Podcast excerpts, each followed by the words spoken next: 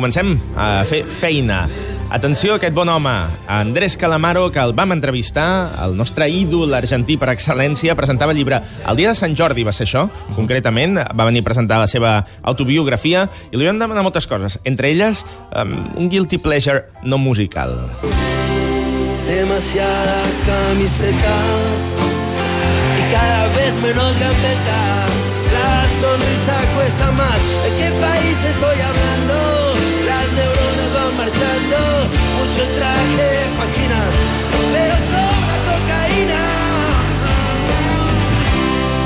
Placer más, más culposo es ceder a la hambruna nocturna, canábica y comer los tolerones de los hoteles, ¿no? Tenemos toda una logística antes de llegar a, a cada hotel en cada ciudad hacemos vaciar el minibar, sí, de todo lo que sea calórico, chocolate, ¿verdad? Así como los alcohólicos hay que quitar nuestras bebidas alcohólicas del minibar. A mí me tiene que quitar el toblerone. Pensé que íbamos a hablar de placeres culposos en la música, pero vale, nos quedamos con el maldito toblerone. Recuerdo con culpa cada puto toblerone que me comí y las calorías que tenía.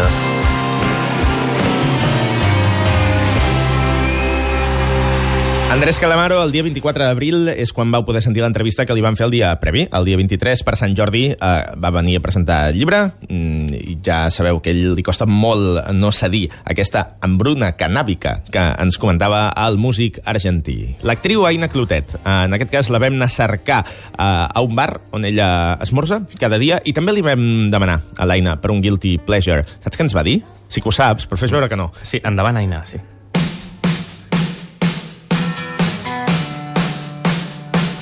Una pel·lícula que per mi és directament antidepressiva a les venes, que l'he vist molts cops i que té uns valors horrorosos, però que em segueix agradant, és Pretty Woman. O sigui, em segueix agradant molt. O sigui, em et podria dir diàlegs sencers. Quan has de seure i diu, ai, perdona, te estoy jodiendo el fax. És que està traduït així amb doblatge, perquè això és el pitjor, que m'ho sé en castellà, que encara és fatal, perquè ja fa molts anys que no veig pel·lis doblades, però Pretty Woman encara la recordo doblada. I després musicals tenia un, una etapa una mica fosca on escoltava el canto del loco a vegades Que lo bueno y lo que importa están los besos. Que va ser absolutament repudiada pel meu entorn. Sí, bueno, ara és que ja no ho escolto mai. De fet, va ser, no sé com vaig acabar tenint el disc a, en la meva llista de Spotify i llavors va, va, era odiat. Me l'havia posat per anar a córrer. Jo a vegades he utilitzat músiques per anar a córrer que no són potser les que més m'agraden, però són les que m'enxufen més canya per resistir. Seguim repassant els millors moments d'aquesta temporada experta. Ha estat la tercera. Podem dir que tornarem l'any que ve? No ho diem. Mm, és com si no ho haguéssim dit. Escolteu, hem sentit ja l'Aina Clotet i l'Andrés Calamaro, eh, personatges de tota mena. També vam tenir un luxe aquest any, que és eh, parlar amb l'I Ronaldo, i vam parlar des del seu estudi. Ell mateix, sí. les seves paraules, se les va gravar no amb un micro i tal, que està bé, que és la nostra eina de cada dia. No, no, a l'estudi on fa els seus discos. Di Ronaldo, Sonic Youth. I grew up in a musical household, so it was sort of a given from very early in my life. Vaig créixer en un entorn familiar musical, així que se'm va donar des de molt petit. A casa s'hi cantava i s'hi tocaven instruments. La meva mare era pianista, així que hi havia sempre un piano a casa, i de seguida també vam tenir guitarres.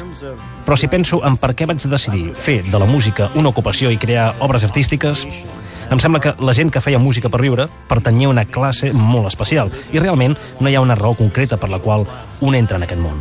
De fet, durant molt temps no era una cosa que jo pensés que podria aconseguir. La música, com a carrera, mai sembla una realitat quan comences. Simplement dones per fet que sempre hauràs de treballar en altres feines i que faràs música a la nit. In the early days, you, you, you took it for granted that you had to support yourself by working some other type of job while you made music in the evening. Va passar molt de temps abans que hi hagués ni el mínim indici que podria fer música per viure i podria mantenir aquesta feina creativa per sempre. Quan creixia, la música, les arts visuals i el llenguatge formaven part de mi i encara mai no he parat.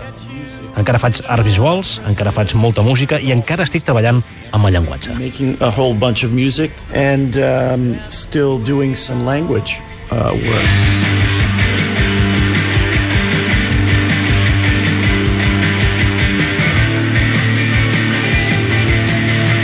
Un altre que va respondre al qüestionari. En David Caravent, que no sé si als anys 90 tenia un grup de rock català, potser sí, i no ho ha dit mai, De Mishima. passava pel qüestionari el dia 14 de gener i ens sentim un fragment que parlava d'una cosa que...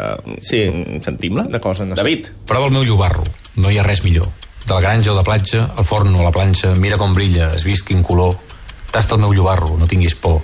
Veuràs les estrelles, terrenals i celestes, en dies laborals o per festes. El meu llobarro brilla com l'ossa major. Sento l'olor de l'enemic que s'atensa misteri. Adéu sol, Qui també ha passat, i diria jo que en més d'una ocasió i de dues, pel programa és la Paula Bonet. Va venir un dia, Isabel, mira, Isabel Sucunza, espera, acosta't del micro, que el tens molt lluny. Va venir amb mi, Hola, va Isabel. venir amb mi, Va venir amb tu a sí. presentar Love Sant Jordi, que us vau marcar la Caldés, una festacca en tota Amb regla. els Ritten, també, els Ritten. It's written. Uh, és veritat, doncs van venir tots, la Paula, però prèviament a la Paula també l'havíem li havíem fet uh, reflexionar uh, les sis preguntes del nostre qüestionari expert. Una d'elles, aquesta. El millor moment de la meva carrera és el moment en el que vaig poder decidir que dedicaria tot el meu temps a ella, el que vaig decidir que no tornava a, a donar classes a un institut. Això va ser fa 3 anys. No hi havia llibre, però hi havia una situació de crisi molt bèstia i no només, en el meu cas, no només era econòmica, sinó també era sobretot emocional. Jo estava en, en un lloc en el que pensava que no havia d'estar i, bueno, vaig tindre el valor per a deixar el meu pis, per a omplir un camió amb tots els mobles i, i per a vindre aquí a Barcelona. Feia més de dos anys que estava a cavall entre València i Barcelona i va arribar un moment en el que, el que vaig, vaig pensar que el lloc en el que havia d'estar era aquest. Estava una mica cansada dels Euromets i necessitava un, un espai on, on realment sentís que pertanyia a aquest espai. Sentim que ens deia en Santi Balmes uh, a principis d'aquesta temporada, deia aquestes coses. Confessa'ns un guilty pleasure. Un guilty pleasure per mi un, seria escoltar uh, Bonnie M, uh, tota aquesta música disco dels anys 70, uh, um, aquella de You take myself, you take myself control, que sonava tant a càmpings, o també la banda sonora gris, coses d'aquestes, uh, coses setanteres, uh, bastant petardes, però melòdicament, melòdicament collonudes. En què ets expert? Soc expert en diferenciar um, Coca-Coles. Depèn de l'envàs. Uh, puc dir quin és de llauna, quin és de dos litres, quin és de litre i mig o quin és d'ampolla de vidre amb els ulls tancats. Uh, soc un gran bevedor de Coca-Cola.